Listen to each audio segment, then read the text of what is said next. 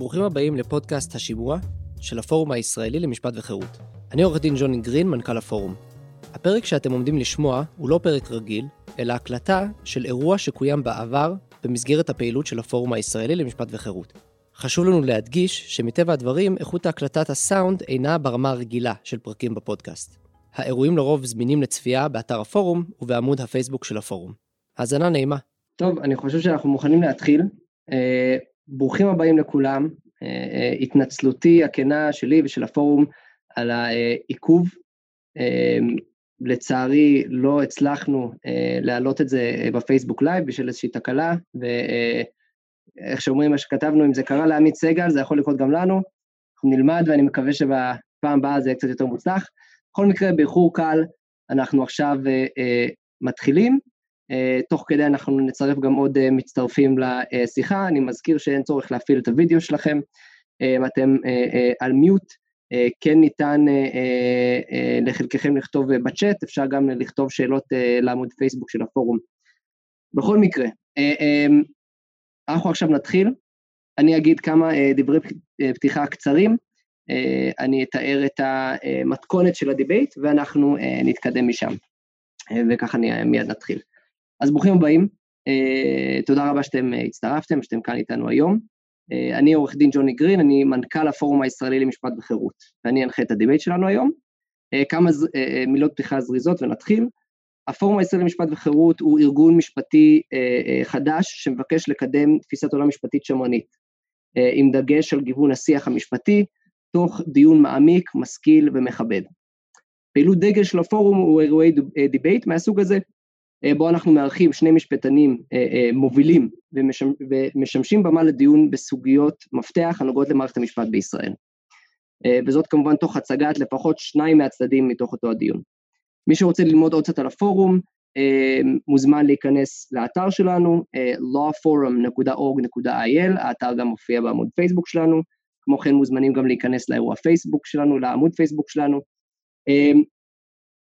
אני אזכיר גם, אם כבר יש לנו פה אה, מצטרפים, אני אזכיר שיש לנו אה, אה, כבר דיבייט הבא מתוכנן,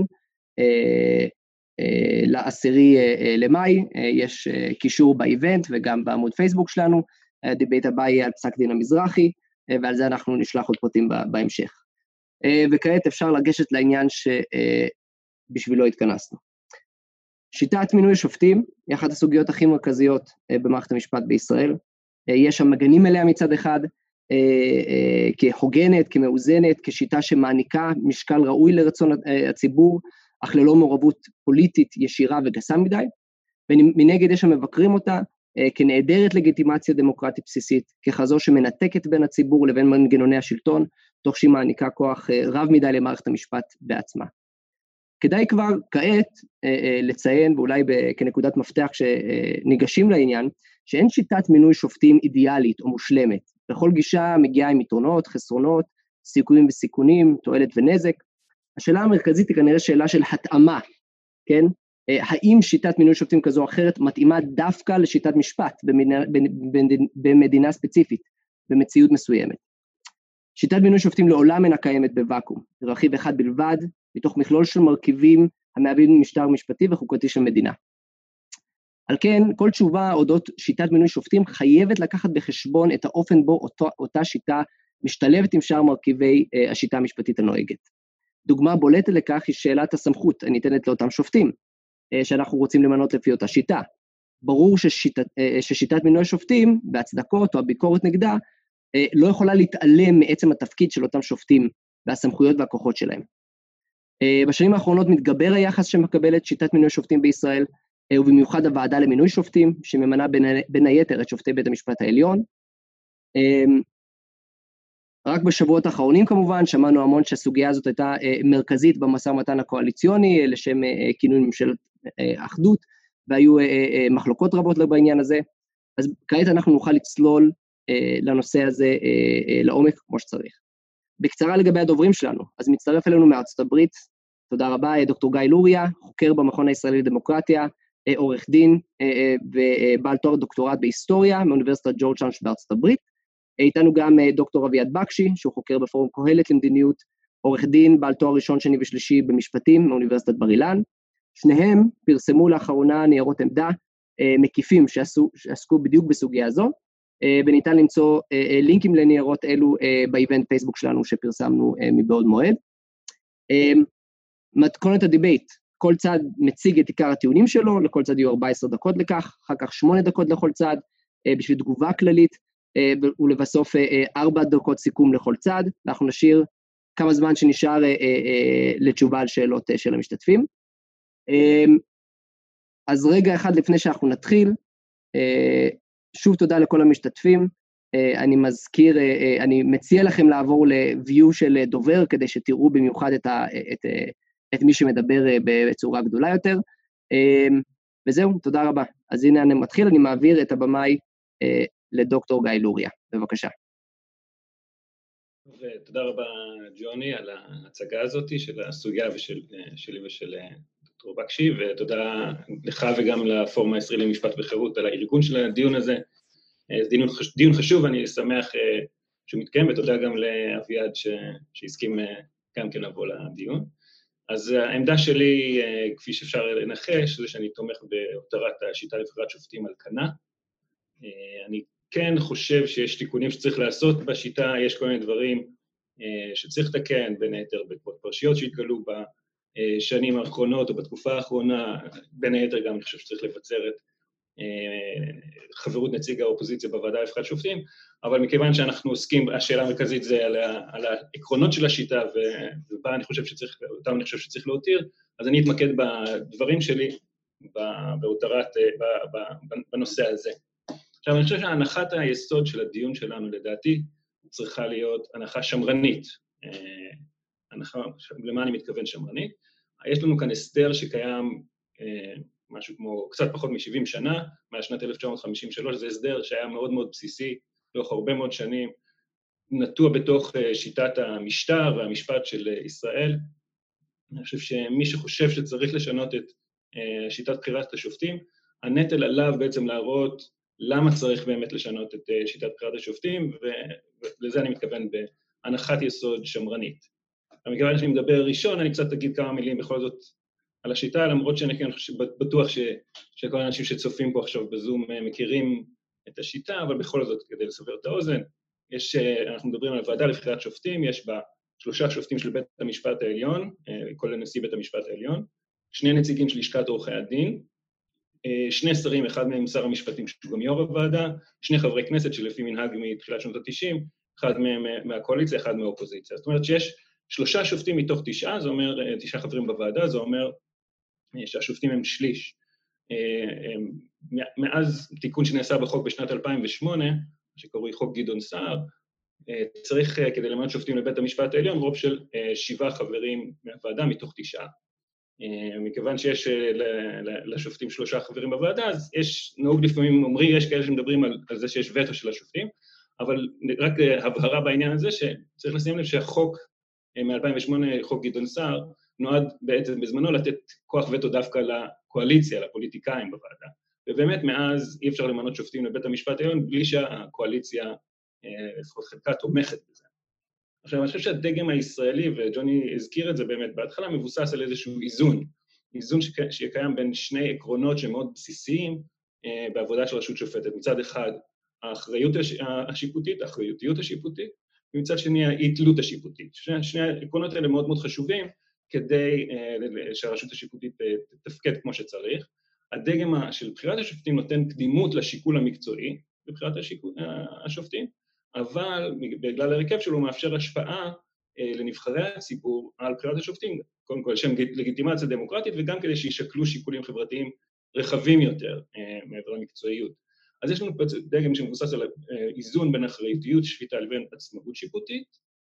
אחריותיות שיפוטית, מדברים על, זה לא רק באמצעות בחירת השופטים, אנחנו מדברים גם, נגיד, על סמכות הערעור, אפשרות במקרים קיצוניים להדיח שופט אם הוא חרג מהשורה, אבל שזה חיוני מאוד שיהיה את האחריותיות השיפוטית. מצד שני, האי-תלות השיפוטית נחוצה באופן אינהרנטי לרשות השופטת, כדי שבאמת יהיה אמון לציבור שהשופטים שופטים לפי החוק, ולא בהשפעה או לפי שיקולים זרים, או לפי שיקולים של גורמים אחרים. עכשיו, אני חושב שמה שחשוב להבין לגבי הדגם הישראלי, והרעיון של האיזון הזה, זה שהוא עובד.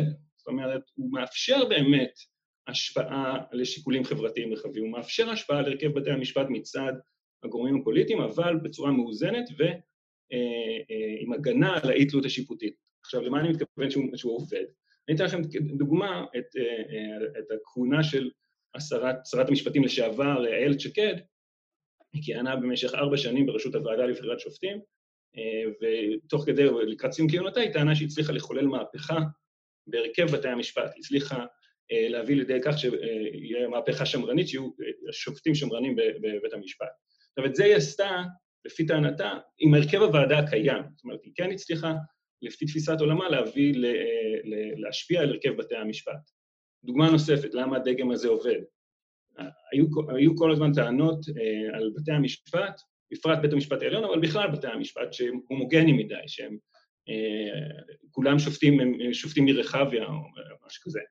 אז אה, עשה מחקר אה, אלון חספר מאוניברסיטת תל אביב, והשווה בין הרכב בתי המשפט, כל בתי המשפט, בשנת 1992 לשנת 2017. זאת אומרת, בתקופה של פער של 25 שנים. אז אם ב-1992 היו 33 אחוז נשים בבתי המשפט, 16.6 אחוז דתיים, פחות מ-3 אחוז ערבים בבתי המשפט, מצא שב-2017 כבר 51 אחוז נשים, כמעט 20 אחוז דתיים, 8 אחוז ערבים. אז אני לא אומר שעכשיו בתי המשפט הם הטרוגנים באופן מופלא, ולא שלא צריך לתקן, אבל מה שהנקודה היא שהדגם הזה עובד, זאת אומרת, הרכב הוועדה מצליח להביא, אה, להכיל לתוכו אה, עקרונות של אחריותיות שיפוטית, שיקולים חברתיים רחבים יותר, כמו למשל לשקף את אה, ההרכב החברתי של, של בתי המשפט, והוא מביא להשפעה של נבחרי ציבור על הרכב בתי המשפט, אבל תוך שמירה על האי-תלות השיפוטית, שזה באמת משהו שעומד בבסיס עבודת הרשות השופטת, בלי לשבור את השיטה, בלי לייצר שינויים רדיקליים ובלי לתת כוח מוחלט לקואליציה או לממשלה בבחירת השופטים. וצריך לזכור כמה כוח יש לממשלה, אנחנו יודעים בכלל לשנות הסדרים חוקתיים בסיסיים, אני אזכיר את ההסכמים הקואליציוניים עכשיו, עכשיו, בלי להגיד טוב או רע, אבל ההסכם הקואליציוני עכשיו שנקבע, שינה לא רק בנושא בחירת שופטים, שינה ממש סדרי יסוד בשיטת הממשל בישראל, אז זה, אנחנו צריכים לזכור כל הזמן, in the back of our mind, כמה כוח יש לממשלה בישראל, והאם אנחנו רוצים שבאמת הממשלה תוכל גם לשלוט בצורה מוחלטת בהרכב בתי המשפט. עכשיו, זה בעצם מה שעמד, אם אני קצת אלך להיסטוריה, זה מה שעמד לנגד העיניים של מקימי השיטה בשנת 53. הם ראו בעצם את השיטה הישנה לבחירת שופטים, וצריך להזכיר שהייתה כאן שיטה כזאת, מתחילת מקום המדינה ועד 50, בשנת 53, שיטה ש, שבה הממשלה שלטה בבחירת השופטים, הקואליציה שלטה בבחירת השופטים, ופנינה להב חקרה את הנושא ודיברה על זה שהיה מודעות לשיקולים קואליציוניים בבחירת שופטים לבית המשפט העליון, ודיברו על סחר מכר בבחירת שופטים, והדור המייסדים בעצם של השיטה, גם מהאופוזיציה וגם מהקואליציה, רצו לשנות את זה. הם הגיעו לאיזשהו קונצנזוס שצריך לנסות להגיע לכך שהשופטים יופעלו בצורה ממלכתית מטעם המדינה, לא מטעם הממשלה, ולכן הם יהיו ממונים על ידי המדינה ולא על ידי הממשלה, לא על ידי הקואליציה, כדי לבצר גם את האי-תלות השיפוטית, אבל האי-תלות השיפוטית הייתה אמצעי כדי לבצר מבחינתם את חירויות האזרח. עכשיו, לא, לא במפתיע, אחד התומכים הגדולים בשינוי הזה היה אה, מנחם בגין, למשל, מטעם חירות, שהייתה באופוזיציה. והוא, יותר מזה, הוא רצה בכלל להגדיל את המשקל של השופטים על חשבון המשקל של אה, נבחרי הציבור. אה, עכשיו, זה גם מה שעמד לנגד עיניהם של הרבה מאוד אנשים בעולם, וזה הדגם הזה שמאזן בין נבחרי ציבור לבין גורמי מקצוע, הוא דגם שנעשה שכיח יותר ויותר בעולם לבחירת שופטים. דגם שמאזן בין אחריותיות לבין עצמות השפיטה באמצעות אורגן אחד, באמצעות ועדה אחת. אצלנו קוראים לזה ועדה לבחירת שופטים, במקומות אחרים זה מועצת רשות שופטת, וזה מודל שבעצם מאז מלחמת העולם השנייה הולך ומתפשט בעולם. זה התחיל בצרפת, אנגליה, אה, סליחה, צרפת ואיטליה, אה, ומאז אבל הוא הולך ומתפשט לא רק באירופה, גם מחוצה לה, אה, בעיקר לערכאות דיוניות, אבל עכשיו גם לא רק. ואני חושב שההתפשטות של המועצות הרשות השופטת זה חלק ממגמה בעולם של ניסיונות למתן את החד-צדדיות הממשלתית או השליטה הממשלתית בהליך בחירת השופטים, שליטה שהייתה בעבר. ולכן אנחנו רואים שמעבר למועצות רשות שופטת, גם בערכאות עליונות וחוקתיות, אנחנו רואים ניסיונות למתן את הכוח של הממשלה או הקואליציה בבחירת שופטים, לנסות למתן את הפוליטיזציה הזאת, את החד צדדיות לצורך העניין. עכשיו, אני חושב שג'וני גם הזכיר את הנקודה הזאת, אבל שהאיזון הזה בין אחריותיות ועצמאות, או הדגם של בחירת השופטים, צריך להילקח במבט רחב על המשטר הספציפי, על שיטת המשפט הספציפית. אבל אני חושב שצריך באמת מבט רחב גם על שיטת המשפט וגם על שיטת, המשטר וגם שיטת המשפט, קודם כל צריך לשים לב על האיזון בין אי-תלות שיפוטית לבין אה, אחריותיות שיפוטית ברשות השופטת בכלל.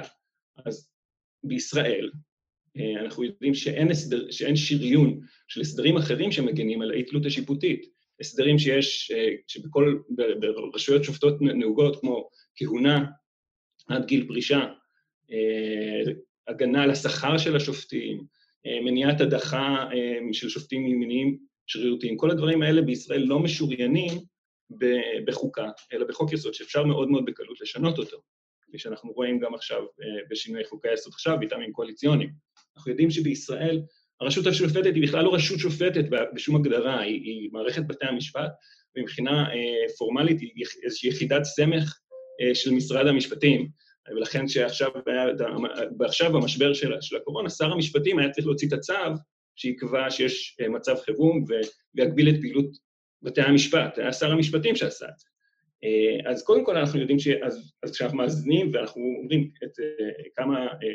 את הרכב הוועדה לבחירת שופטים ואיך לאזן בו בין אי-תלות לבין אחריותיות שיפוטית, צריך לקחת בחשבון את ההגנות החלשות שיש על האי-תלות השיפוטית בישראל בכלל. עכשיו, האי-תלות של השופטים בכלל חשובה ב- בישראל, בגלל שיטת המשטר. שיטת המשטר אה, בישראל יש בה חולשה בסיסית באיזונים והבלמים יחסית לשיטות משטר אחרות. אה, פרופסור עמיחי כהן עשה אה, מחקר השוואתי והראה את זה, אז הזכרתי כבר כמובן אין חוקה, אין כפיפות לאמנות בינלאומיות של, של זכויות, אין שני מודל, בתי פרלמנט, אין לנו מודל פדרלי, אין לנו בחירה לפי מחוצות, יש שליטה מאוד חזקה של הממשלה על הכנסת. אה, ובהתחשב בזה, צריך להדגיש עוד יותר את אי-תלוש של השופטים, כדי, כי לרשות השופטת במיוחד יש אה, חשיבות בתור בלם. עכשיו, הדוגמה, אני חושב, שהמובהקת לאיזון שכזה שצריך לעשות, זה אם משווים את ישראל לארצות הברית. לארצות הברית הרבה משווים, אותה, משווים אותנו לארצות הברית, בהקשר הזה שבארצות הברית יש דגם של בחירת שופטים מאוד מאוד פוליטי, בשליטה של הרשויות הפוליטיות. אבל מה עומד מהצד השני? יש בארצות הברית הגנה אדירה על העצמאות השיפוטית, יש חוקה משוריינת שקשה מאוד לשנות אותה, אה, כהונה של שופטים, לא רק עד גיל פרישה, אין גיל פרישה, כהונה של שופטים לכל חייהם, ואני מדבר על הדגם הפדרלי. הרשות השופטת בארצות הברית היא כל כך עצמאית, אה, היא, אין על זה אח באמת, כשמדברים אין על זה אח ורע בעולם, באמת אין לזה אח ורע בעולם, מבחינת העצמאות התקציבית, העצמאות הניהולית של הרשות השופטת, וישראל בעצם מהבחינה הזאת היא ממש תמונת ראי, ממש תמונת ראי של ארה"ב, אה, מהבחינה הזאת שהחולשה של ההגנות על אי-תלות השופטים בישראל, ובצידם באמת הליך בחירת שופטים שהרבה יותר מאוזן והרבה יותר נותן אה, אה, משקל לגורמים המקצועיים. גיא, אני אכנס ש... אני רק אציין שיש לך עוד שתי דקות בסוף החלק הזה. אוקיי, okay, תודה רבה. אז אני חושב ש... במיוחד בעת הזאת, כשאנחנו גם רואים שיש לנו אה, התחלה של שחיקה דמוקרטית אה, באיזונים והבלמים, אני, אפשר להסתכל על, אפשר להתווכח על זה, אבל אני חושב שלמשל הנושא הזה של רמיסה של האופוזיציה בוועדה לבחירת שופטים, מנהג שהיה מאז תחילת שנות ה-90, ובכלל הפוליטיזציה, אנחנו רואים המוגברת שהייתה בקדנציה האחרונה של, של העלאה של מגמות של פוליטיזציה בוועדה לבחירת שופטים, חושב שצריך מאוד, עוד יותר להיזהר ועוד יותר להיות שמרנים אה, במחשבה שלנו על שינויים בוועדה לבחירת שופטים. אה, אני אמרתי שאני לא אגיד, אבל אה, בכל זאת, אם יש לי עוד איזה דקה, אז אני אגיד, אני בכל זאת חושב שצריך כן תיקונים קלים בדגם של, של הוועדה לבחירת שופטים, בין היתר בעקבות הפרשיות שהתגלו, אז, אז קודם כל, קודם כל אני חושב שבגלל שיש הפרה של המנהג למנות חבר אופוזיציה בוועדה לבחירת שופטים, צריך לשריין את החברות של האופוזיציה בוועדה, לפחות חבר אחד, צריך אה, לדאוג לזה, למנוע ניגודי עניינים, אה, לדאוג לזה שאפשר לקחת תובנות מכלכלה התנהגותית, להסדיר את העבודה של ועדת השתיים, להסדיר את ה... לדאוג לזה שתהיה עצמאות של שיקול הדעת על ידי הצהרה של חברי הוועדה, וגם לנקוט יותר יוזמות פרואקטיביות, לדאוג לשיקוף הרכב האוכלוסייה בבתי המשפט. אבל אני חושב שבסופו של דבר, הוועדה לבחירת שופטים זה הסדר מאוזן, יש בה איזון בין העצמאות השיפוטית לאחריותיות השיפוטית, בתור, בתוך ועדה אחת או אורגן אחד, זה הסדר יציב, נותן קדימות לשיקול המקצועי בבחירת שופטים, אבל הוא מאפשר השפעה לנבחרי הציבור לשם קדימת דמוקרטית ולשם שקילת שיקולים חברתיים רחבים יותר. אז אני חושב שצריך להותיר אותו על כונה. מצוין, תודה רבה גיא. אביעד, אני מעביר את השרביט אליך. טוב, שלום לכם, תודה על ההזמנה, תודה גם לך גיא. אני רק רוצה לציין בפתיחת הדברים גם את חבריי שמעון עטף ושי ניצן כהן, שעבדו מאוד קשה על המחקר, זה לא מחקר רק שלי.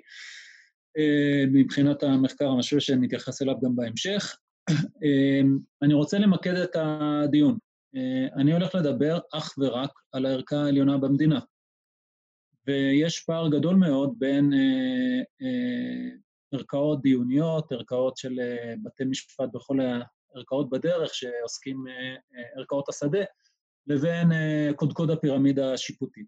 קודקוד הפירמידה השיפוטית בחלק מהמדינות זה בית משפט לחוקה, בחלק מהמדינות זה בית משפט עליון, ובזה אני מתמקד. אני חושב שגיא, קצת בדברים שלו ועוד יותר במחקר שכתב, עובר בין הנושאים הללו שבעיניי הם שונים מהותית.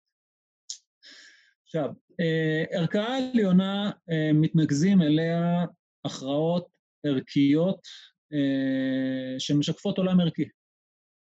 ובמיוחד בישראל, אני חושב שהיה טוב אם המינון היה קצת יותר נמוך, אבל בטח ובטח כשאנחנו מדברים בישראל, אנחנו היום יצא לנו פסק דין שעוסק בשאלה האם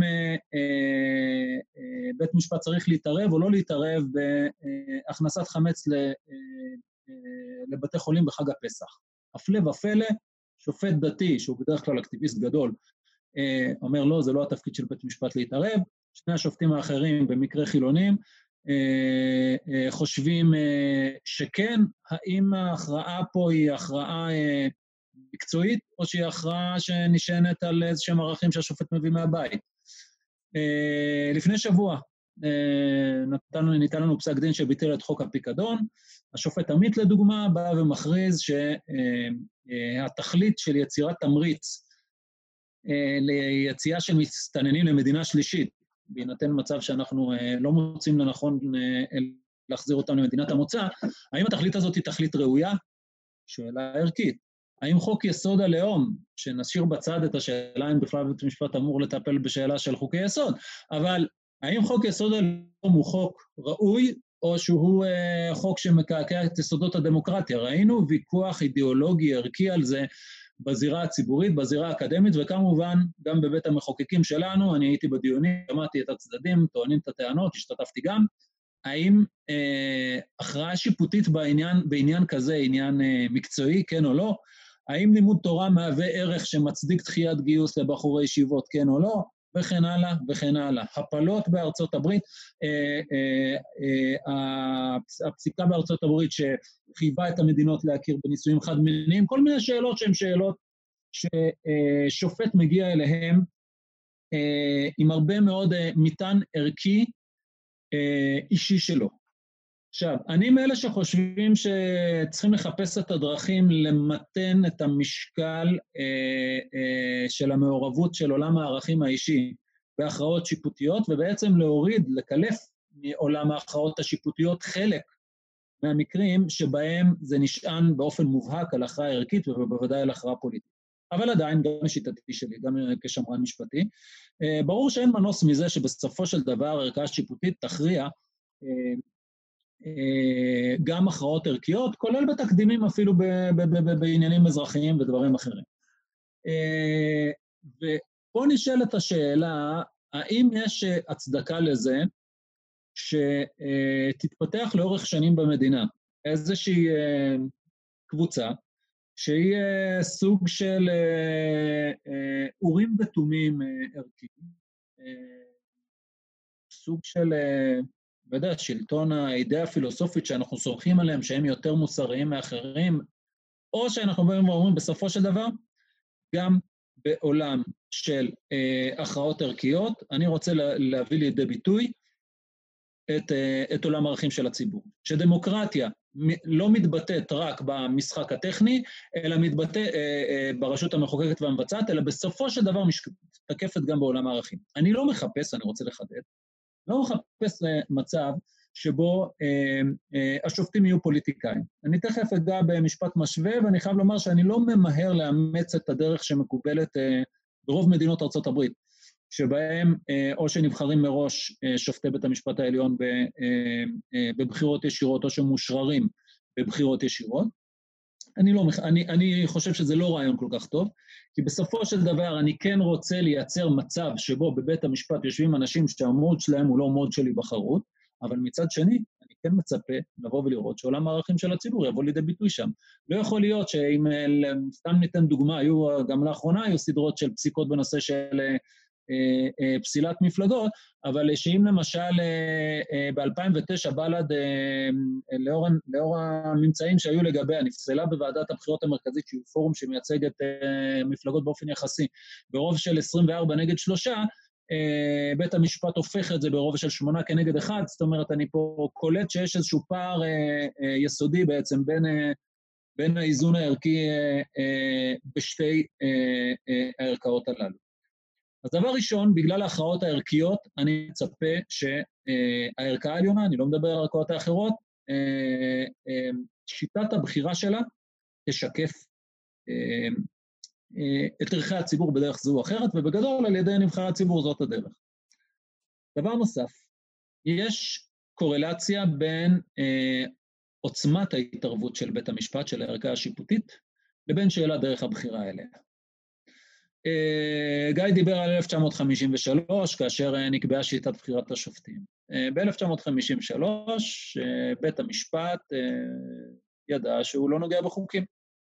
הוא ידע כבר באותה שנה לתת את כל העם, מוקדם יותר את בג'רנו, כל מיני פסקי דין שאנחנו יודעים שלייצר מגילת זכויות, גם סוג מסוים אפילו של אקטיביזם, אבל אקטיביזם שאני יודע לברך עליו, אבל בתנאי שהוא יודע להרים ידיים ולבוא ולומר, אני לא חוצה את הקו של הכרעת הציבור במדרגתה העליונה, הכרעת הכנסת. אה, וברגע שזה השתנה במהפכה החוקתית, לא ניכנס פה להיסטוריה, מה היה ב-69', אבל בעיקר ב-95' ואילך, ברגע שאני מדבר על זה שבית המשפט אה, חצה את הקו והפך להיות אה, ערכאה שמקבלת את הזכות לבצע ביקורת שיפוטית על חוקי הכנסת, התמונה משתנה. כי כל עוד אני נמצא בעולם שבו אה, אה, לנבחרי הציבור יש את זכות המילה האחרונה על ידי הכתבת החקיקה, הרי שאני יכול להבין, כן, שהערכאה השיפוטית תתנהל במודל אה, מקצועי, מקסימום כשההכרעה הפוליטית תהיה מספיק נחושה לומר משהו אחר, יתקנו את החוק. דוגמה לכך היה נניח בשנות ה-50 אה, בנושא של גידול ומכירת חזירים. בית משפט מתערב, פוסל חוקי עזר עירוניים בנושא הזה, אה, ומגן על חופש הדת וחופש מדת. באיזשהו שלב המערכת הפוליטית באה ואומרת, רגע, אנחנו רוצים לשנות, אנחנו עושים חוק הסמכה, מתקנים את זה. ואז בסופו של דבר זכות המילה האחרונה ניתנת אה, אה, למחוקק. או נניח הגדרת מיהו יהודי, שוב שאלה ערכית ממדרגה ראשונה, והשופטים שם נחלקו לדתיים ולא דתיים, אה, ובא בית המשפט וקובע שהקביעה מיהו יהודי לא תהיה לפי אה, חוק ה... אה, לא תהיה אה, לפי ההגדרה ההלכתית, אה, כפי שרצה שר הפנים, אלא לפי הגדרה אחרת, אז הכנסת מגיבה בחקיקה, אני מדבר על פסק דין שליט, מתקנת את החוק, ובשלב הזה בית משפט אומר, טוב, בסדר, אני מכבד את זה, מרים ידיים. אותו בנימין שליט, אני מניח שאנשים מכירים על מה אני מדבר, אותו בנימין שליט שעתר וקיבל מבית המשפט אה, ב-1969, ששני ילדיו יירשמו כיהודים על אף שאימם איננה יהודייה, ביקש לרשום את ילדו השלישי מאותה אימא. לאחר תיקון החוק, הוא עתר לבג"ץ, זה אנשים אולי לא מכירים, ובג"ץ אומר לו, מצטער, מצטערים, המחוקק אמר את דברו, אפילו שזה תרתי דה סתרי, זה שני אחים שלו מאותו זוג הורים, אני עוצר.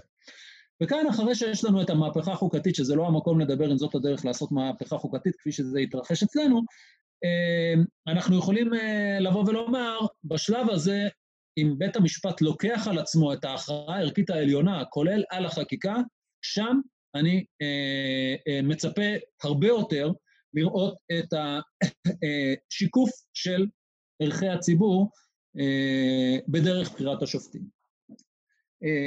ואני מיד אגיע שגם ברמת המשפט המשווה, מבחינת השוואת השיטות המקובלות בעולם, אנחנו יכולים לראות שיש באמת קורלציה בין, בין הסמכויות שיש לבית המשפט לבין שיטת הבחירה אליו. והנקודה האחרונה היא הסיכויים להשגת הגבול בין הרשויות. אני חושב שכאשר אתה מייצר מקום שה... שהוא, יש לו את היכולת במידה רבה לשכפל את עצמו, כפי שהיה במשך שנים רבות. וגם אם זה באמת יתמתן קצת בחוק סער, אבל עדיין יש להם את היכולת להטיל וטו לשופטים עוד לפני לשכת עורכי הדין. יש את היכולת להטיל וטו מי יבוא בשעריהם, וגם בתקופת שקד הם הטילו וטו על מועמדים מסוימים.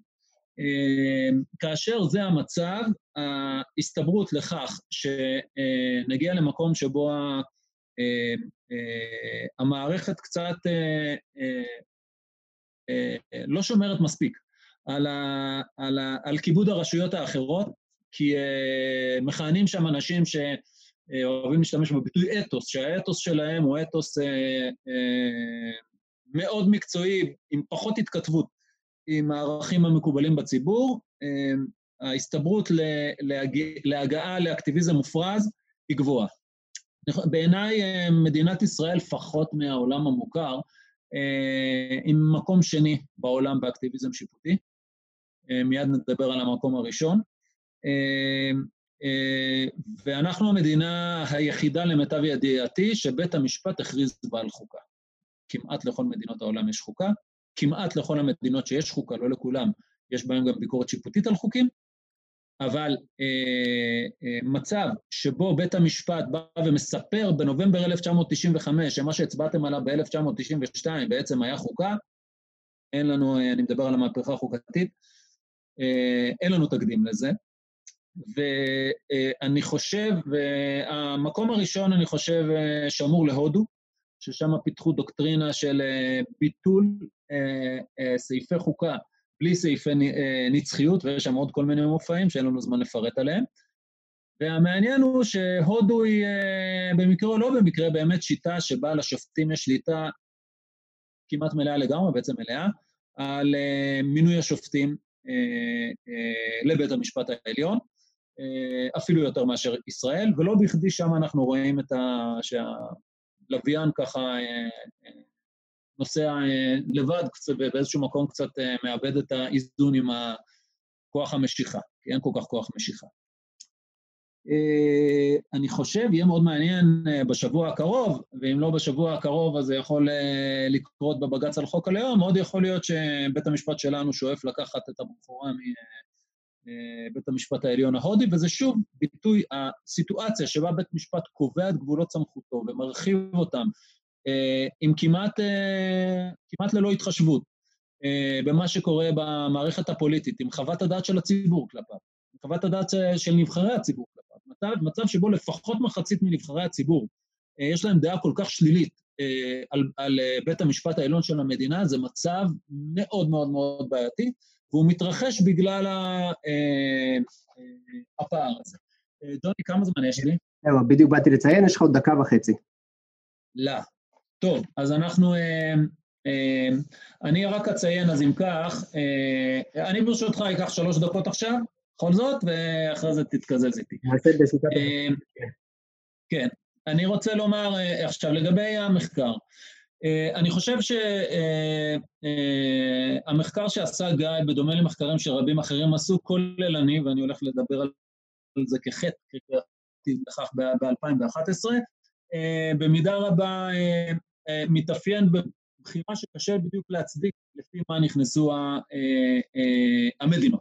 מה שאנחנו עשינו, שי ניצן כהן, שמעון עטף ואני, זה לקחת את כל 36 מדינות ה-OECD, מסד ללא ספק רציני, ושם מה שאנחנו רואים בצורה מאוד ברורה, ב-26 מדינות יש שליטה, שליטה אני מתכוון, לא מעורבות, שליטה של אה, נבחרי הציבור על, בחירת השופטים לערכאה העליונה. כמחצית מהמדינות מדובר בבית משפט עליון, וכמחצית מהמדינות מדובר בבית משפט לחוקה, אה, אבל בכל אופן הערכאה החוקתית העליונה במדינה. אה, ובעוד חמש מדינות, כן, מתוך, מתוך 36 המדינות, ב-26 מדינות יש שליטה של נבחרי הציבור, בחמש מדינות.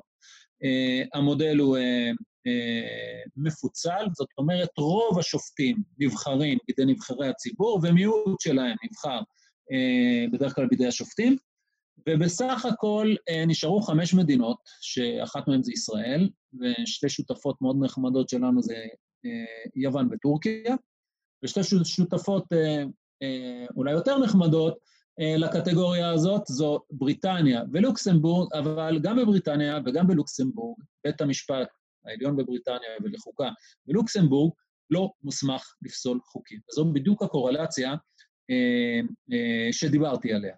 לגבי אה, מדינות ארצות הברית, 22 מדינות מתוך ארצות הברית, אה, אני מדבר על בתי המשפט העליונים של מדינות ארצות הברית, בוחרות ישירות בקלפי את השופטים שלהם. אה, לבית המשפט העליון.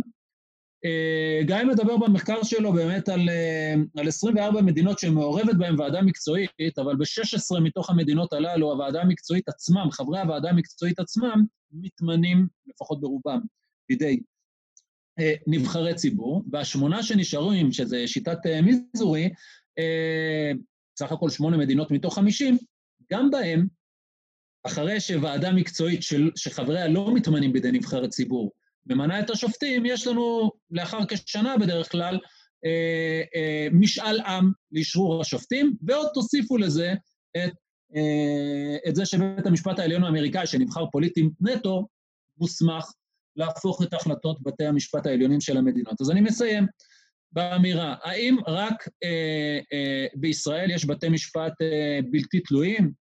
האם רק בישראל יש אה, בתי משפט אה, מקצועיים, סליחה, בטורקיה וביוון?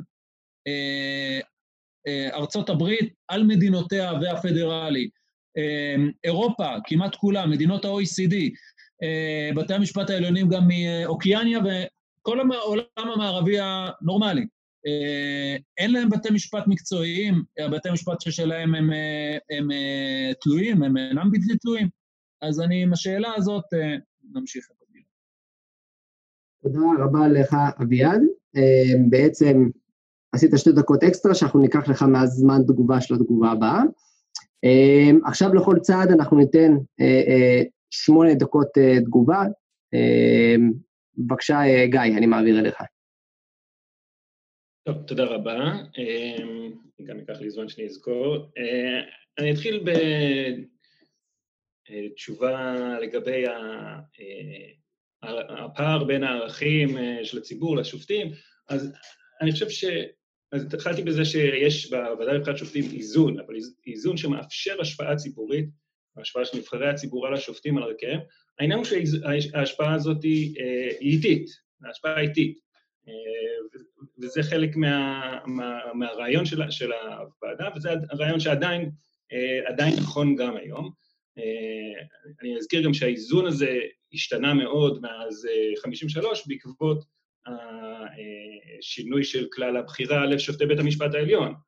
אה, זה היה, זאת אומרת, יש היום הסדר שמקדיש יותר, נגיד, משקל לאחריותיות השיפוטית או ללגיטימציה הדמוקרטית, על ידי זה שצריך לבחור שופט בית משפט עליון ברוב של שבעה חברים מתוך תשעה, וזה בעצם נותן את הווטו לממשלה או לקואליציה אה, בבחירת השופטים, ודיברתי על זה בדברים שלי, אני חושב שהאיזון הזה השתנה, אבל עדיין יש היום בגלל זה יותר אפשרות להשפיע על השופטים. אה, אני כן חושב שאנחנו עדיין רוצים שהשופטים יהיו אה, מקצועיים ולתת קדימות לשיקול המקצועי.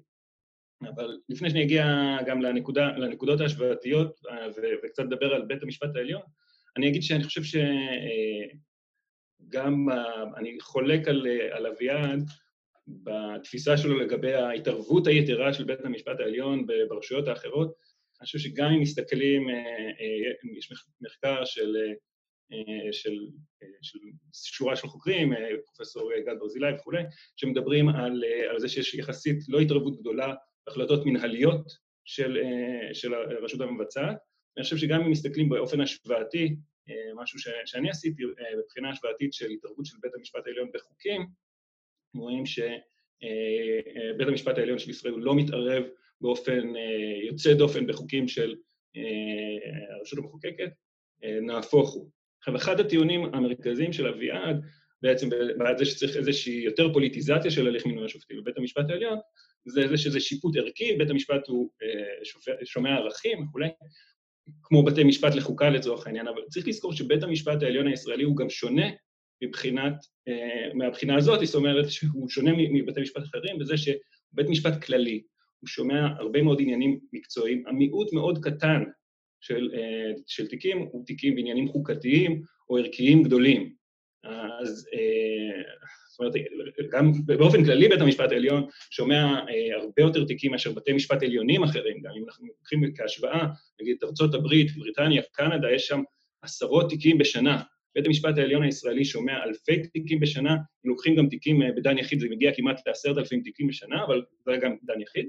אבל גם בלי קשר לזה, אנחנו מסתכלים למשל על ביקורת שיפוטית על חקיקה, כמה הליכים של ביקורת שיפוטית על חקיקה היו בישראל מאז אה, שנת 95, אז מ-95 עד סוף 2017, בסך הכל 321 הליכים של ביקורת שיפוטית על חקיקה, בסך הכל, לא כל שנה. ואז, ואנחנו מדברים על אלפי תיקים בשנה, אז, אז ברור שזה לא כל הסוגיות החוקתיות שיש, אבל אני חושב ש... זה מראה מה המשקל האמיתי של הסוגיות האלה בבית המשפט העליון, שהוא בית משפט שהוא בסך הכל בית משפט כללי ושעוסק בהרבה מאוד סוגיות מקצועיות ש, ש, שאני חושב שיש פחות הצדקה בהן. עכשיו, אם... אם אני, אני אגיד עוד משהו um, לגבי הטיעון ההשוואתי.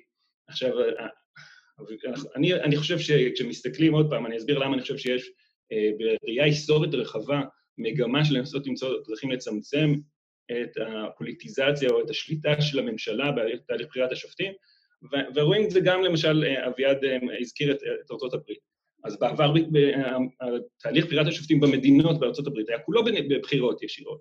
אה, ואז לאט לאט ארצות הברית התחילה להתרחק מזה, ואנחנו רואים באמת כמה שגם אביעד ביקר גם את, את, את הבחירות הישירות לשופטים במדינות, ובאמת זה, זה הליך מאוד מאוד בעייתי, אה, מאוד מקולקל שיש עליו הרבה ביקורת, קמפיינים של שופטים אה, אה, מאוד מאוד בעייתי.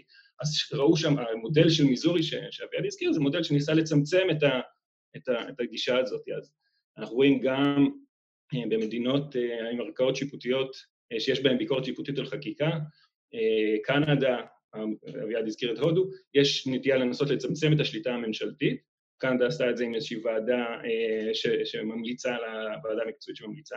בבריטניה, אביעד הזכיר את בריטניה, אבל זה נכון שאין ביקורת שיפוטית כביכול על חקיקה, אבל בית המשפט מוסמך להצהיר על אי-התאמה לאמנה האירופאית לזכויות אדם, והוא עושה בזה שימוש, והרשויות מכבדות את זה בגדול. זאת אומרת, זה לא... זה משהו שיש לו משקל מאוד גדול בכל זאת, ועדיין יש שם שיטה שהיא אה, שיטה, אה, נגיד, יותר קרובה לקוטב של ישראל בעניין הזה. זאת אומרת, עכשיו, אביעד גם הזכיר את המחקר ההשוואתי שלו, ואני הסתכלתי כמובן על המחקר, וזה מחקר, אה, קודם כל אני משבח את זה שעושים מחקר אה, מאוד רחב וכיף על השוואה, אבל השוואה כזאת, היא, צריך לקחת אותה בחשבון ולהסתכל על, על כל הרכיבים ועל כל המשתנים. אז קודם כל, אביעד אומר, האם יש השפעה של נבחרי ציבור או אין השפעה של נבחרי ציבור? אבל כל העניין הוא שאנחנו רוצים לצמצם את ההשפעה של הממשלה. אנחנו רוצים, אז, אז יש כל מיני שיטות שמנסות לצמצם את ההשפעה של הממשלה בכל מיני דרכים אחרות. למשל, לתת רוב מיוחס שחייבים למנות בו שופטים, שמחייב קונסנזוס בין הקואליציה לבין האופוזיציה, וזה מייצר איזושהי אה, דה-פוליטיזציה או הגעה אה, אה, להסכמה רחבה יותר. יש מעורבות של כמה רשויות הרבה פעמים, גם הרשות המבצעת, אבל גם הרשות המחוקקת. זאת אומרת, כל מיני מעורבות של כמה רשויות שמחויבת לשם מינוי שופטים. אה, והוא גם הזכיר את זה שיש מודלים שבהם, אה, איך ניתן בעצם לרשות השופטת לבחור חלק מהשופטים לבית המשפט החוקתי. אבל אני נזכיר עוד פעם מה שאני התחלתי, באיזונים והבלמים החסרים בישראל. הרי בישראל קשה מאוד לעשות את השילוב הזה בין, בין רשויות, כי אנחנו יודעים שהממשלה בעצם שולטת כאן בצורה מאוד חזקה בכנסת. יש לנו בעיה באיזונים והבלמים, אז לתת עכשיו כוח, המודלים שיש ב, במקומות אחרים, לאזן את הכוח של הממשלה, לא הצליחו לעבוד כאן. עכשיו, עוד משהו ש, שאביעד מתעלם ממנו במחקר, זה עד כמה אה, זכויות מוגנות על ידי החוקה. זאת אומרת, אם מסתכלים נגיד לפי הפרויקט של ה-Comparative Constitution Project, במדינות שאביעד הכניס למחקר שלו, אז רואים שישראל היא מקרה מאוד מאוד חריג ביחס למספר הזכויות החוקתיות שמעוגנות בה. נזכיר, זה כמובן לא מעוגן במסגרת חוקה, אבל יש בסך הכל בישראל רק שש זכויות חוקתיות שמעוגנות, בזמן שכל המדינות האחרות שאביעד מזכיר, יש להן הרבה יותר זכויות שמוגנות. אז יש לנו כאן, שוב פעם, יש לנו אה, באיזון או בראייה רחבה של שיטת המשטר הישראלית, שיטת המשפט הישראלית, יש לנו פה מודל שהוא מאוד מאוד בעייתי באיזונים אה, ובבלמים מול הממשלה. גיא, יש לך עוד אה, דקה אחת. אוקיי. אה, אז אני חושב שעוד אה, נקודה שאני אזכיר, ישראל בכלל, צריך, אה, היא חלק ממסגרת מסורת ה-common law, ובמסורת ה-common law הבריטית שבה באופן מסורתי יש לשיקולים המקצועיים מעמד בכורה, גם כשממנים, אה, המינויים נשלטים על ידי הרשות המבצעת, גם במינויים לבתי המשפט העליון, ובכלל אני חושב שצריך לזכור שלמנהגים האלה, במקומות אחרים לפחות יש להם משקל מאוד מאוד חזק, והכיבוד של ההמלצות של המקצוענים וכיבוד השיקול המקצועי משהו שגם כן אני חושב שצריך לזכור אותו, גם כשמסתכלים על מודלים רק ברמה הרזה של החוקה, יש כאן משהו חסר. בסופו של דבר, באיזון בין אחריותיות לבין עצמאות שיפוטית במבט רחב על המשטר, אני חושב שישראל נמצאת במצב אה, טוב יחסית לזה שיש באמת אה, אה, חסך אה, בבלמים שיש בפני כוחה של הממשלה. אה, ואני חושב שנגמר לי הזמן, אז אני. תודה רבה. אה, אביעד, עוד רגע נעבור אליך. אני רק אציין אה, בשביל קהל הצופים שלנו, זה שהצלחנו לסדר את התקלה, וההרצאה היא, הדיבייט הוא מוקרן כעת בפייסבוק, בעמוד פייסבוק שלנו וב event, אז מי שמעוניין גם מוזמן לצפות שם, להגיב שם, לשתף שם, איך שתרצו. אני רק מציין זאת בשביל, בשביל קהל הצופים. אנחנו עכשיו נעבור לאביעד, אביעד, אה, אה, יש לך קנס של שתי דקות, אז עכשיו יש לך אה, שש דקות זמן תגובה, בבקשה. תודה. אמ, קודם כל לגבי, גיא דיבר על זה שבישראל מדובר בבית משפט שיש לו גם סמכויות בתחומים הפליליים והאזרחיים, אז אם נסתכל, חלק ניכר מהמדינות שאנחנו סקרנו ב-OECD הן אה, מדינות שבהן יש, אה, מדובר בבית משפט עליון, שהוא אה, גם ערכאת ערעור עליונה, פלילית ואזרחית, וקודקוד המערכת באופן כללי בדיוק כמו אצלנו. דיברת על מסורת ה-common אז הנה, אלו בדיוק המדינות, כאילו, שבמדינות הללו באמת בדרך כלל יש בית משפט עליון. אז אני מדבר על ארה"ב, על קנדה, על אוסטרליה, ניו זילנד, אירלנד, אה, אה, שיש להם בית משפט עליון, הם בשיטת ה-common law ושיטת המינוי לבית המשפט העליון הזה היא שיטת מינוי שנשענת על פוליטיקאים. כך גם בבית המשפט העליונים של מדינות אחרות, לא מה-common law, כמו יפן, שווייץ, הולנד, שוודיה, נורבגיה, פינלנד, איסלנד, זאת אומרת, האמירה ש... שזה רק עניין לבתי משפט לחוקה היא לא נכונה, אחד. שתיים, אני אשאל אותך, גיא, אה, אתה רוצה לזרום איתי ושנקים כאן בית משפט לחוקה? אני בהתלבטות לגבי השאלה אם עדיף בית משפט עליון או בית משפט לחוקה, אבל הקטע שאנחנו בדרך כלל שומעים את ה... בא במידה את ההתנגדות אה, אה, לרעיון בית המשפט לחוקה, במקביל להתנגדות לשינוי שיטת בחירת השופטים. אה, אז גם פה אה, קצת קשה לאחוז את החבל משתי קצותיו. דיברת על שינוי מגמה, אני עדיין נשאר פה בסביבת ה-common law, על קנדה. אה, על מגמה בשינוי השיטה. אה, בקנדה בסך הכל השינוי שהיה זה החלטת ממשלה שמקבלת על עצמה ועדה מקצועית לא מחייבת. זאת אומרת, היא בכל רגע נתון הממשלה יכולה להחליט שהיא חוזרת למנות אה, בהתעלם מהוועדה. אה, זה לא מגבלה חוקתית, זה עדיין, זה שנועצים זה דבר מאוד uh, טבעי. אפשר להסדיר את הייעוץ הזה גם במנגנון מסודר, בהחלטה מסודרת, זה בסדר גמור. גם אני, אגב, לא מעלה בדעתי שכאשר נבחרי ציבור ימנו שופטים לבית המשפט העליון, הם לא יתייעצו. ואני אדגים uh, לגבי, אני ממשיך להיכנס לשאלת המקצועיות. במדינת ישראל ממנים גם רמטכ"ל, יועמ"ש, בעבר מינוי יועמ"ש בלי ועדות איתור, יועמ"שים שמקובל להלל ולשבח אותם, כמו שמגר, זמיר, ברק.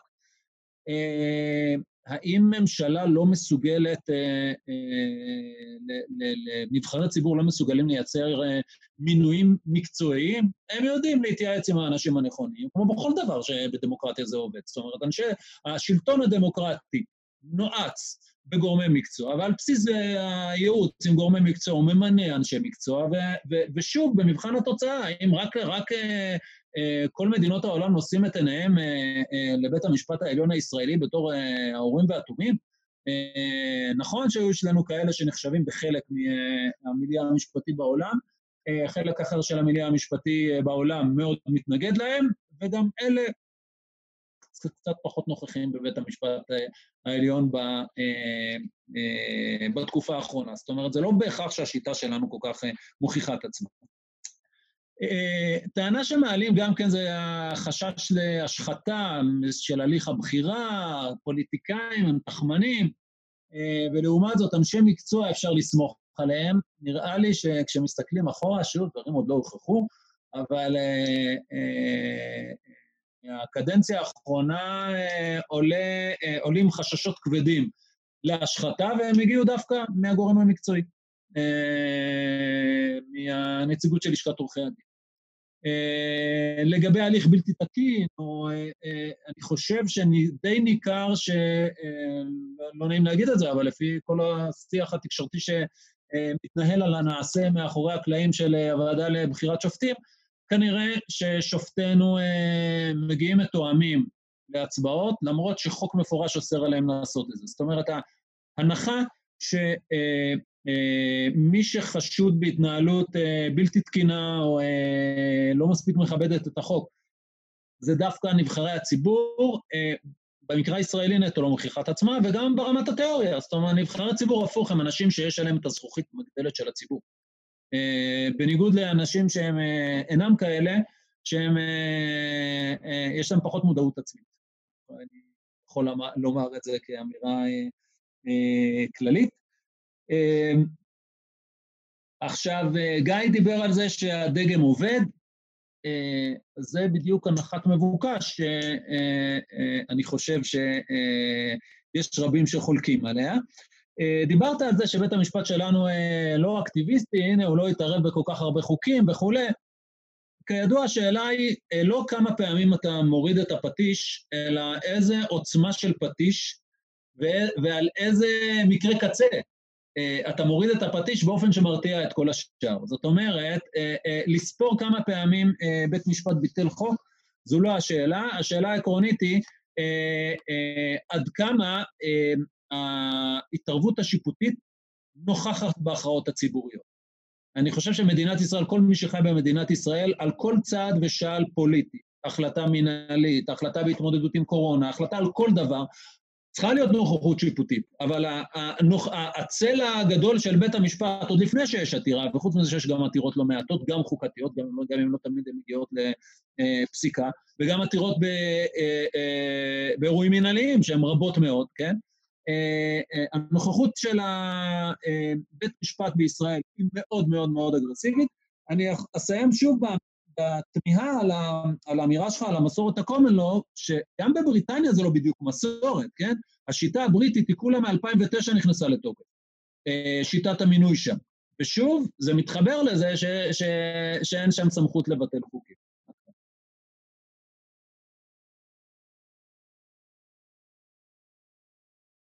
איך אני? חסכתי דקה? אתה חסכת חצי דקה, מצוין. כן. Uh, תודה רבה לאביעד, מצוין. Uh, בעצם עכשיו יש לנו, uh, זה בעצם שלב הסיכומים, שכל צעד ייתן בעצם את ה-closing statement שלו, שהוא לא, לא חייב לרכז את הכל, כן, אני מקווה שרוב המשתתפים שלנו בעצם שמעו את, את, את הטיעונים וכולי, הנקודה היא להשאיר את, ה, את הרושם האחרון או את הנקודה, השורה התחתונה, את הנקודה הסופית שאנחנו רוצים שיישאר עם הצופים והמאזינים שלנו. אני רק אזכיר שלאחר מכן, א', אנחנו נוכל, כן, יש כמה שאלות מהקהל שאני אשאל את הדוברים, ואני גם מזכיר שהשידור הזה כבר כן זמין בעמודי שלנו, גם אני מאמין בעמודי פייסבוק נוספים. אז עכשיו אני מעביר לגיא לארבע דקות של סיכום. טוב, תודה רבה, ג'וני, ואני אגיד, אני אתחיל דווקא בכמה הבהרות קטנות, כי, ש... כי אני חושב שאם אביעד לא, לא, לא ירד לסוף דעתי, אז כנראה גם עוד לא ירדו לסוף דעתי. אז קודם כל, כשדיברתי על מסורת ה-common, לא דיברתי על מסורת ה-common הבריטי, לא דיברתי על ההסדר של 2009, דיברתי על מסורת הרבה יותר ותיקה, ש, ש, שבמסגרתה, גם כשהממשלה היה לה אפילו יותר סמכות למנות את השופטים, השיקולים שנשקלו היו שיקולים מקצועיים. זה היה מסורת מאוד משמעותית, והביקורת שלי על, על, על המחקר של דוקטור בקשי, של אביעד, הייתה לגבי ההתעלמות מהמסורות האלה, גם בקנדה למנהגים ומסורות במינוי שופטים, בין היתר הרעיון הזה של השיקול המקצועי, שהוא השיקול הבכיר, יש משקל מאוד גדול. אביעד גם שאל אותי אם אני זורם, לגב, האם אני זורם להקים בית משפט לחוקה, אז רק במילה אני אגיד, בוא קודם כל שיהיה לנו מגילת זכויות שלמה והגנה של אמנות בינלאומיות על זכויות אדם וכולי, וחוקה, ואז, ואז, ואז בוא נדבר. ולגבי סוגיית ההשחתה, ואני גם, אני חושב שזה, אנחנו עדיין, הדברים לא הוכחו וכולי, אני חושב שבכלל היה המשקל הגדול שהיה לקואליציה בקדנציה האחרונה, בין היתר באמצעות זה שהיה, שלא היה נציגות של האופוזיציה בוועדה, זה היה, מש... זה היה מאוד משמעותי מבחינת התהליכים שראינו בארבע שנים שבהם השרה שקד הייתה בראשות הוועדה. אז אני חוזר שוב, אני חושב שעל מרכז הטיעונים שלי, אני בעד להשאיר את עקרונות השיטה, אני חושב שאנחנו, מי שרוצה לשנות את השיטה ולהגיד שהדגם לא עובד, צריך להראות שהדגם לא עובד, עליו הנטל, כי יש לנו דגם שכבר קיים מאז שנת 53, הרבה מאוד שנים, ובסך הכל הוא חלק מאוד בסיסי משיטת המשטר בישראל, אז עליו הנטל להראות את זה. אני חושב שהרעיון הזה של איזון בין אחריותיות שיפוטית לעצמאות שיפוטית, באופן שנותן קדימות לשיקול המקצועי, בחירות לשיקול המקצועי בבחירת שופטים, אבל מאפשר השפעה לנבחרי ציבור, לשם לגיטימציה דמוקרטית, לשם שקילת שיקולים חברתיים רחבים יותר, זה איזון שעובד והוא טוב. ושני העקרונות האלה חשובים, חיוניים לאמון הציבור במערכת בתי המשפט ובשופטים, ואנחנו רואים שבמקומות שבהם, שהעקרונות האלה לא עובדים כמו שצריך, שבהם ניתן משקל יתר לאחריותיות או לאי-תלות, הדברים האלה לא עובדים כמו שצריך. עכשיו, לגבי גם מקומות אחרים בעולם שמנסים למתן את הכוח של הממשלה, אני חושב שיש תהליך של ניסיונות למתן את הכוח של הממשלה בבחירת השופטים עם כל מיני מנגנונים. ואני אסיים, אביעד הזכיר את הצעדים של הממשלה בתקופת הקורונה והצל הכבד שהיה לבית המשפט על העניין הזה. תראו את תקופת הקורונה באמת. עכשיו, היו צעדים דרסטיים שהיה צריך לנקוט, שהממשלה הייתה צריכה לנקוט, והיא נקטה בצעדים דרסטיים שמגבילים חירויות והמעקב של השב"כ, והדברים ידועים. ואני לא אומר שהצעדים האלה נכונים או לא נכונים, אבל האם הממשלה, היה לה בעיה לעשות את זה? הייתה בעיית משילות? היה כאן איזה בית משפט ש, ש, שחששו ממנו? בכלל, כשחושבים על הפגיעה בזכויות, חירויות הפרט שהייתה עכשיו בתקופה הזאת, שוב פעם, בהחלט יכול להיות שהיא מאוד מוצדקת, ואני לא אכנס לפרטים עכשיו, לאור המגפה. האם מה שמדאיג אותנו באמת, לאור הפגיעה הזאת, זה ממשלה של שופטים, זה רודנות של שופטים, או שבאמת מה שיש לנו כאן זה ממשלה מאוד מאוד חזקה, מאוד עוצמתית, שצריך שיהיה לה איזשהו בלם שיוכל אה, אה, להגיד, רגע, תחשבו עוד פעם. ואני אסיים רק בתודה רבה, ג'וני, על הארגון של הדברים ועל ההזמנה אליי, ותודה לאביעד על הדיון המעניין, ואני מחכה לשאלות. תודה רבה לך, גיא. אני חייב להגיד שאתם שניכם עומדים בזמנים ממש יפה, ואני לא צריך לקטוע אתכם ולעצור אתכם, וזה מאוד מרשים. בסדר גמור, אנחנו עכשיו עוברים אה, לארבעה דקות הסיכום של אה, אביעד, ואז אנחנו נתפנה לכמה שאלות מהקהל. אז בבקשה, אביעד. טוב, אה, גיא שואל, אה, האם הדגם עובד? אז אנחנו נמצאים ב... בימים אלה בדיוק, יש הליך בפני בית המשפט שמבקש למנוע מבנימין נתניהו להקים ממשלה, למרות ש-78 חברי כנסת, לא יודע, אולי 72, לא ברור מה היקף הקואליציה המתרקם, מבקשים לתת בו אמון. ולמרות שחוק היסוד ברחל בתך הקטנה התייחס לאירוע הזה וקבע מגבלות על, על כהונה כראש ממשלה, לאחר הרשעה חלוטה עם קלון. זאת אומרת, סיטואציה שבה בית משפט uh, uh, לוקח לעצמו את החירות לא ברור מאיפה, uh, בניגוד לחוק יסוד אחד, בניגוד ל, לבחירת הציבור שתיים, לעשות uh, על הבחירות, יש כאלה אנשים שחושבים שיש פה בעיה, אחד. שתיים, כשאני מדבר לא רק על הקצה, שהוא מאוד uh, משמעותי, שבו בית משפט הולך נגד חוק יסוד או משהו כזה, אלא גם בשגרה. כאשר בית המשפט מלמעלה משרשר כלפי מטה, ושוב, הקודקוד הוא העיקר, אבל משרשר כלפי מטה, אה, אה, מערך של ביקורת סבירות שיקול דעת, על כל צעד ושעל של פעולה של ממשלה, של פקיד. לא רק שואלים אם הוא מוסמך או לא מוסמך, אם הוא פוגע בזכות או לא פוגע בזכות. אין לי בעיה עם זה שבית משפט דן בשאלה האם מעקבי השב"כ בנסיבות הקורונה אה, נדרשים או לא. זה תיק ראוי לדיון. אבל אה, אה, מכאן והלאה, שכמעט כל, כל, כל התרחשות היא אירוע ל, אה, אה, לבחינה של הסבירות שיקול הדעת, ועוד בית המשפט בא ומשרשר את זה עם רעיון הייעוץ המחייב, שאתה עוד מקבל עוד מראש חסם ראשון את היועץ המשפטי בתור מישהו שמחייב אותך להתחשב בדעתו ברמת סבירות שיקול הדעת, לא ברמת החוקיות. הופכים את המילה סבירות לחוקיות, ואז אתה בא ואומר, אני דן בחוקיות. אבל איך, איך סבירות הפכה לחוקיות? איך השיקול הענייני שמסור לידיים של נבחר ציבור, או של פקיד מוסמך, פתאום הפך להיות אה, אה, עניין, אה, עניין משפטי? אי אפשר לזוז במדינה הזו אה, בלי אישור של משפטנים. המצב הזה, שבמקום אה, אה, שומר סף, שומר הסף נמצא בתוך, בתוך כל חדר ובתוך כל זיג בתוך, בתוך העשייה עצמה, השגרתית, לא מדבר על שיקולים זרים, זה מצב שאני ורבים אחרים חושבים שהוא לא עובד. ואני חוזר חזרה לאמירה הבסיסית, תסתכלו ימין ושמאלה בעולם. אה, לבוא ולומר שאפשר לבוא ולהגיד, בסדר, המדינה הספציפית הזאת, התרבות שלה שונה, אני לא יודע מה. אבל בואו נראה, יש... אה, כל מדינות ה-OECD, כמעט כולם, קומפלט, כן? אה, יודעים לבחור בתי משפט מקצועיים, בלתי תלויים. מאיפה איפה ראינו את העליונות של בתי המשפט של יוון, טורקיה וישראל על כל מדינות העולם המערבי? אני לא מבין איפה הגיעו. תודה רבה, אביעד, אפילו אה, נתת לנו עוד אה, חצי דקה. אה, בסדר, אני אפנה עכשיו כמה שאלות, אני רק אזכיר לצופים, קודם כל עלו כל מיני שאלות גם פה בצ'אט, גם בהודעות פרטיות, אני מתנצל מראש, אי אפשר לענות על כולם, יש פה המון שאלות מעניינות, אולי לאחר מכן נשלח כמה מהשאלות לדוברים ויוכלו לענות עליהן בכל מיני צורות, אבל זה באופן כללי, אני בחרתי כמה מהשאלות שהגיעו אליי בדרכים שונות.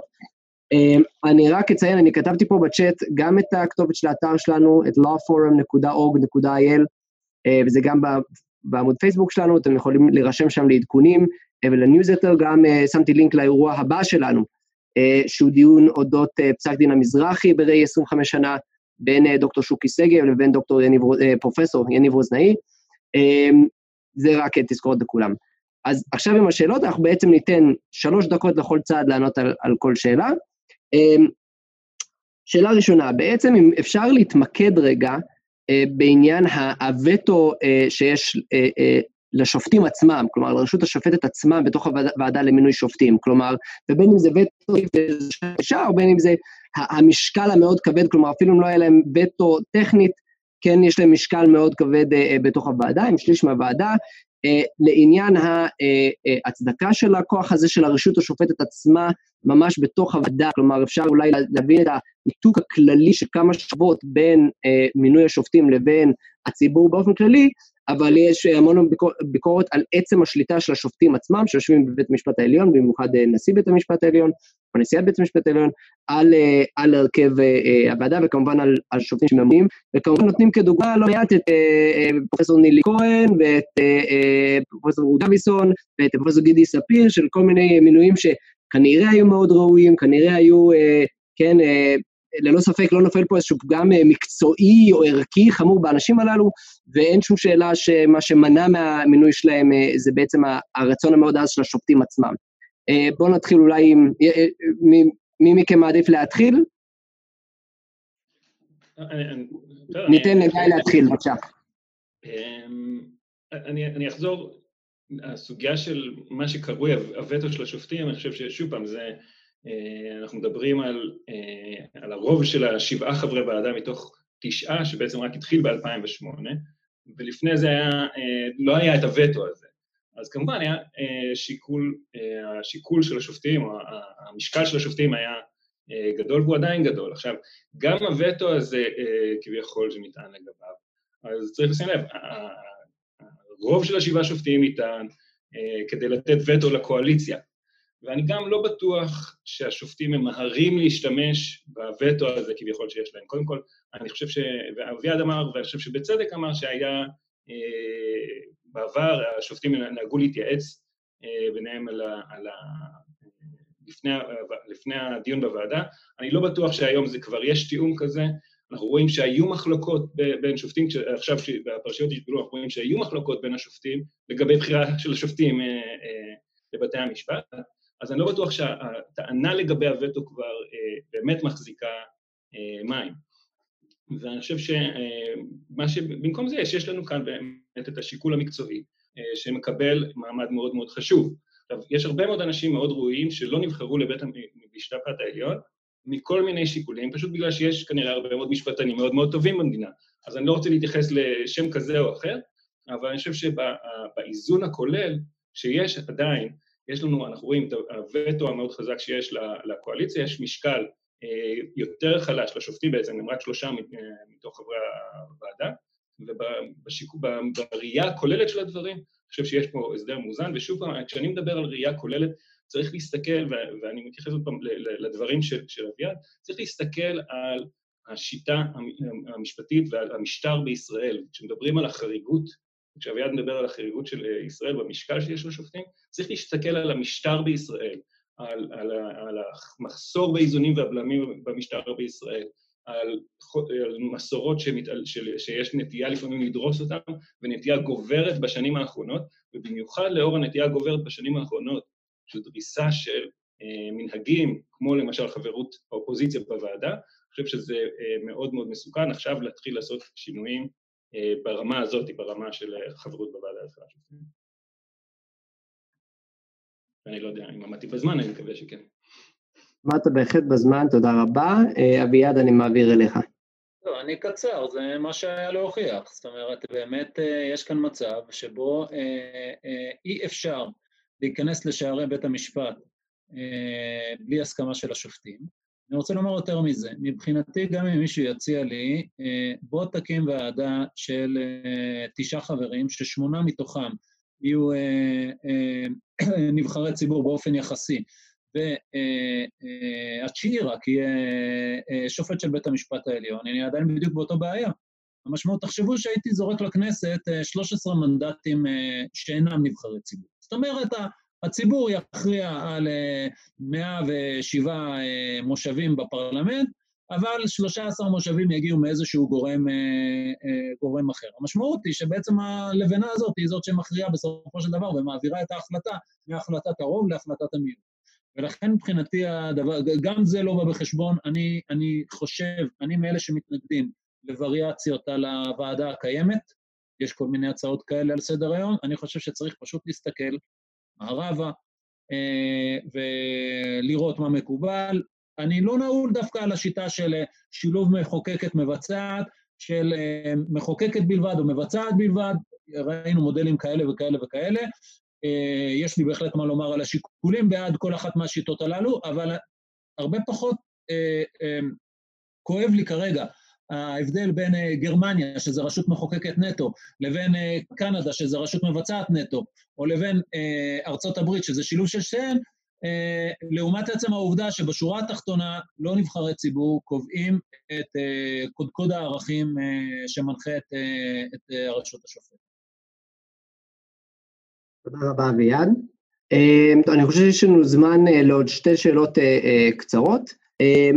נתחיל בשאלה שבעצם הגיעה לשאלת, אתם כבר התחלתם לגעת בזה, כן, שאלה מאוד עקרונית וכללית, אבל אני חושב שנוגעת ללב העניין פה בסופו של דבר. הטיעון המרכזי שאנחנו עוסקים בו זה שאלת אי-תלות מערכת המשפט ואי-תלות השופטים, אה, במיוחד ברשות המבצעת ובממשלה אה, אה, כביכול. השאלה היא, אה, האם אין פה, אה, או חסרה פה, הבחנה מספקת בין הממשלה לבין הציבור. כלומר, הרצון שלא תהיה תלות של השופטים בממשלה עצמה ובאלו ברשות המבצעת, אה, האם אנחנו לא בעצם מתבלבלים ואז מנתקים את, ה, אה, אה, את השליטה של הציבור ואת הקשר של הציבור, כי אלו הרי שני דברים מאוד מאוד שונים, וכמו שציין אביעד כמה, כמה פעמים, ככל שיש סמכות רבה יותר, ובוודאי סמכות חקיקתית של שופטים, איזשהו אינטרס מאוד ברור שהאי-תלות הזאת לא גוברת על הכל, או במילים אחרות, ברור שיש רצון שתהיה אי-תלות בממשלה, אי-תלות מיידית, אבל לא ברור מדוע זה אומר שצריכה להיות חוסר תלות אה, בציבור עצמו. אמ, אביעד, אתה רוצה להתייחס? כן, אה, אני חושב שבאמת מאוד חשוב לשמור על אי-תלות. אה, לכן אני לא מאוד נלהב מאותן מדינות שמאפשרות בערכאה השיפוטית העליונה שלהם קדנציה מתחדשת. קדנציה מתחדשת אומרת שהשופט שנבחר מסתכל אחורה וצריך להחליט האם להמשיך או לא. אני עדיין מסייג את עצמי ואומר שכשאני רואה כל כך הרבה מדינות שעושות את זה, במיוחד המדינות בתוך ארצות הברית שעושות את זה, אני לא ממהר לפסול אותן. יש לי קצת ענווה אה, אה, אה, כלפיהם, אבל אם אתה שואל אותי, הייתי באמת מעדיף כזה דבר. ואכן השיטה הישראלית, נכון להיום, אם משנים רק את שיטת הבחירה בלי מרכיבים אחרים, המשמעות היא ששופט יתמנה עד גיל 70, לא, לא כל כך הבנתי את גיא מה ההבדל בין אה, גיל 70 לבין גיל מוות מבחינת חוסר התלות, זה, זה, זה גבול חתוך. אה, אני אישית יותר בעד המודל של אה, גרמניה, שהקדנציות לא יהיו ארוכות מדי, 12 שנים, אבל בתנאי שזה באמת לא יהיה מתחדש, אי התלות היא באמת חשובה. אני פחות מתחבר למחשבה שכדי אה, להתרחק מהפוליטיקאים נלך לציבור ישירות. בסופו של דבר, אה, אה, כשאתה הולך לציבור ישירות, אתה כן מייצר אלמנט מסוים של פוליטיזציה של הליך הבחירה עצמו, זאת אומרת, כשאתה הולך להצביע אז אנשים צריכים לנהל קמפיין, ובעיניי זה פחות מוצלח, למרות ששוב, אני לא ממהר לפסול את מה שקורה בכל כך הרבה מדינות בארצות הברית. אמ, אה, ולכן אני חושב שהבחירה באמצעות פוליטיקאים, כשהפוליטיקאי הוא בשגר ושכח, אין לו יכולת אחרי זה אה, לראות מה קורה עם ה... אה, לשלוט בשופט, היא הדרך הנכונה. תודה רבה, אביעד. גיא, שלך. אני חושב ש... בוא נזכיר, השופטים בכלל לא אמורים אה, לשפוט לפי רחשי הציבור אה, או לפי דעת אה, קהל. הם שופטים לפי החוק, זה, זה המשמעות של האי-תלות בעצם, זה, וזה קבוע בחוק יסוד השפיטה. שופט שופט רק לפי שיקולי החוק, אבל מה זה החוק? החוק זה בעצם ההכרעה הציבורית לגבי הערכים במדינה. אז הוא שופט לפי, וזה בעצם ה-responsiveness או הקשר של, ה, של השופט, וזה גם בגלל זה חשוב האחריותיות הדמוקרטית שלו במובן הזה שהוא שופט לפי החוק. ולכן אנחנו מדברים על זה ש, שערך לא פחות חשוב מהאי-תלות זה האחריותיות הדמוקרטית, ואני חוזר על זה, זאת אומרת, אם השופט חורג מהחוק, זה באמת בעיה גדולה, ואנחנו בגלל זה רוצים שיהיה איזושהי, שתהיה אחריותיות אה, שיפוטית גם במישור הזה. זה לא אומר שאנחנו, זה בכלל לא אומר שאנחנו רוצים שהציבור יבחר ישירות את השופטים, זאת אומרת, זה, זה לכאורה מה שהיינו יכולים להגיד, אוקיי, אז אנחנו רוצים שהשופטים ישר ייצגו את הציבור, אבל זה בדיוק ההבדל בין, בין בית הנבחרים לבין בית המשפט. בית המשפט שופט לפי החוק, לא לפי רחשי הציבור. הדיליי בעצם שיש אה, אה, באפשרות להשפיע על הרכב בתי המשפט הוא, הוא, הוא נועד לבצר את האי-תלות השיפוטית. עכשיו, לך אביעד דיבר על הקדנציות בבתי המשפט, ואורך הקדנציות, אני חושב, אם מסתכלים, והסתכלתי על הקדנציות בבית המשפט העליון בישראל, הן מאוד דומות לקדנציות בבתי המשפט החוקתיים, ה-12-13 שנים שאביעד מדבר עליו, זה פחות או יותר גם הממוצע בישראל, אבל אני חושב שהאורך הכהונה הזה מאפשר responsiveness לציבור, הוא מאפשר לנבחרי הציבור כן להשפיע על הרכב בתי המשפט, אבל שוב, לתת קדימות לשיקול המקצועי. אני, אני, אני אגיד עוד פעם, השופטים צריכים לשפוט לפי החוק, ובית המשפט שלנו, העליון שלנו, נכון שגם בבתי משפט עליונים אחרים, או, יש נושאים של נזיקין וכולי, אבל בית המשפט שלנו הוא בית משפט של ערכאה ישירה של ערעור בעניינים פליליים. שומע אלפי תיקים בשנה, אין, אין דבר כזה, זה לא בית משפט עליון בית המשפט, בית המשפט העליון הבריטי, וזה לא בית המשפט העליון הקנדי, ולא בית המשפט העליונים אחרים, הם עובדים בצורה כזאת. זאת אומרת, זה, זה באמת מודל מאוד מאוד מקצועי, ואנחנו צריכים בגלל זה, גם בגלל זה אני חושב שזה נכון לשמור על הדגם הקיים. תודה רבה, גיא. יש לנו זמן לשאלה אחת אחרונה, ואז אנחנו נתפזר לנו. לפני שנשאל את השאלה האחרונה, אני רוצה להודות במיוחד לשני הדוברים שלנו שהתאמצו והעניקו מזמנם. אני חושב שנתנו פה תמונת מצב אומנם מתומצתת, אבל כן אני חושב מאוד משקפת של הדילמות השונות והאתגרים השונים והמחלוקות השונות בסוגיה הזאת, דבר שאני חושב שהוא חשוב מאוד להעניק משהו שהוא קצת מעבר לכותרות ולסיסמאות ששומעים מעת לעת. אני ממליץ לכל הצופים כן לקרוא את המחקרים החשובים שפורסמו על ידי שני הדוברים שלנו פה. אז בעצם אתה, גיא, אתה ממש מביא אותי לשאלה האחרונה שנתלבטתי לגביה, אבל אתה ככה ניתבת אותי, אז אחת הסוגיות הגדולות פה זה באמת התפקיד האזרחי והפלילי של בית המשפט שלנו, כן? כלומר, כשאנחנו בוחרים שופטים בוועדה למינוי שופטים, במובן שאנחנו לא בוחרים רק שופטים חוקתיים או מנהלים, אנחנו בעצם בוחרים שופטים שיש להם פונקציה עצומה, אולי אפילו עיקר הפונקציה שלהם מבחינת זמן, זה כערכת ערעורים, לא אפילו ערכת ערעורים ברשות עליונה, שהוא, שזה אופציה אולי והם יבחרו, אלא בעצם כל ערעור בזכות על כל סוגיה משמעותית בכל המדינה שנידונה בכל בית משפט מחוזי, מגיע אוטומטית כמעט לבית המשפט העליון. איך השאלה הזאת, ואתם נגעתם בזה, ואני אשמח אם נרחיב על זה עוד טיפה, איך השאלה הזאת משפיעה על, הש... על, על כל הממד של האופן בו אנחנו ממנים את השופטים. נתחיל איתך, גיא. אז אני נגעתי בזה, דיברתי על זה, אני אחזור שוב. בית המשפט שלנו באמת בית משפט כללי, ויש שומע הרבה הרבה תיקים, ואנחנו רואים גם בפרמטרים שקובעת הוועדה לבחירת שופטים, שקבעה בכללים שלה, שפרסם שר המשפטים, שהפרמטרים לבחירת השופטים הם פרמטרים מקצועיים, זה פרמטרים של מיומנות שיפוטית ומשפטית.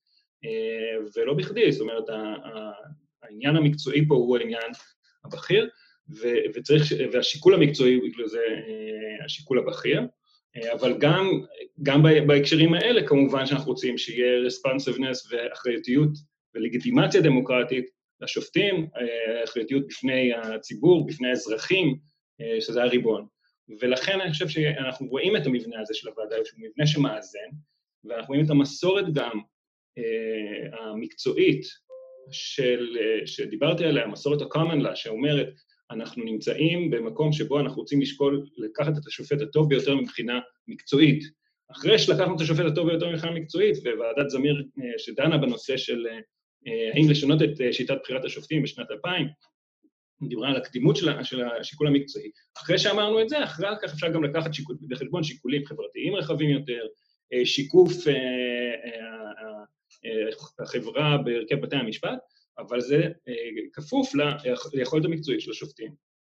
וזה, אני חושב שזה, וצריך לשים לב גם, דרך אגב, שמסורות שונות, מחוץ למסורת law, נותנות יותר משקל גם לשיקולים אחרים, אבל זה איפה שאנחנו נמצאים כרגע, ואני חושב שצריך לקחת את זה בחשבון, למסורת של, של המשפט הישראלי, וגם ל, ל, ל, לאזור שה, שהמשפט הישראלי נמצא בו מבחינת שיטת משטר, ומבחינת ה... ו, ו, וכל הדברים שדיברתי עליהם, האיזונים והבלמים, שאני לא אחזור כי זה כבר מלא בוודאי. תודה רבה לך, גיא. אביעד, בבקשה. ההנחה שאנשי מקצוע אה, מביאים את האנשים היותר מקצועיים לעומת אה, נבחרי ציבור שמתייעצים עם אנשי מקצוע אה, ובוחרים את האנשים, לא מוכחת. אנחנו דיברתי על זה גם לפני כן. זאת אומרת, כשאני מסתכל על, על מדינת ישראל ניצחה את כל מלחמותיה עם רמטכ"לים שמונו על ידי, על ידי דרגים פוליטיים. הכלכלה הישראלית נבנתה על ידי, אה, אה, כשנגידי הבנק אה, היו אנשים שהתמונו בסופו של דבר, איזשהו שינוי, אבל, לא, אבל ברוב השנים, על ידי גורמים פוליטיים. יועצים המשפטיים מתמנים על ידי ממשלת ישראל, יועצים משפטיים לממשלה עד היום, ו... אה, ובוודאי יועצים של, של העבר שיש שרגילים להלל ולשבח אותם, כפי שדיברתי על אה, שמגר, זמיר, ברק, אה, ובראש ובראשונה, מה שמראה, שמראה המחקר של שמעון עטף, שי ניצן כהן ושלי, כשאתה מסתכל בעולם, אתה רואה ש... שמדינות העולם משיגות בתי משפט עליונים, לא רק בתי משפט לחוקה, כשאני מדבר על ארה"ב זה בתי משפט עליונים, אה, שמצליחים להוביל משפט אזרחי בכלכלה מובילה ביותר, שמצליחים להוביל משפט פלילי שעושה סדר במדינה אה, אה, גדולה מאוד עם שיעורי פשיעה גבוהים, בשיטה הזאת. זאת אומרת, הנחת המבוקש הזו, ש, שרק במדינת ישראל יש מערכת משפט שהיא יותר טובה מאחרים, היא מופרכת, אני לא מבין מאיפה, אה, כאילו, זה קצת ענווה, להסתכל על מה שמקובל בעולם. עד כאן. אני רוצה גם כן אה, אה, אה, להודות לך, אה, ג'וני, ולפורום על ההזמנה, אה, להודות לך, גיא, ולכם, אה, אני ראיתי רק קוביות שחורות, אז, אה, אה, אבל אה, גם לכל המאזינים. מצוין, תודה רבה לכם, תודה רבה למאזינים. אמ, אני חושב שאנחנו נסיים לעת עתה. אה, כמובן שתצטרפו לכל האירועים הבאים שלנו, אה, שתירשמו לעדכונים באתר שלנו, אה, וזהו, תודה רבה שהצטרפתם היום. כל טוב ורק בריאות לכולם.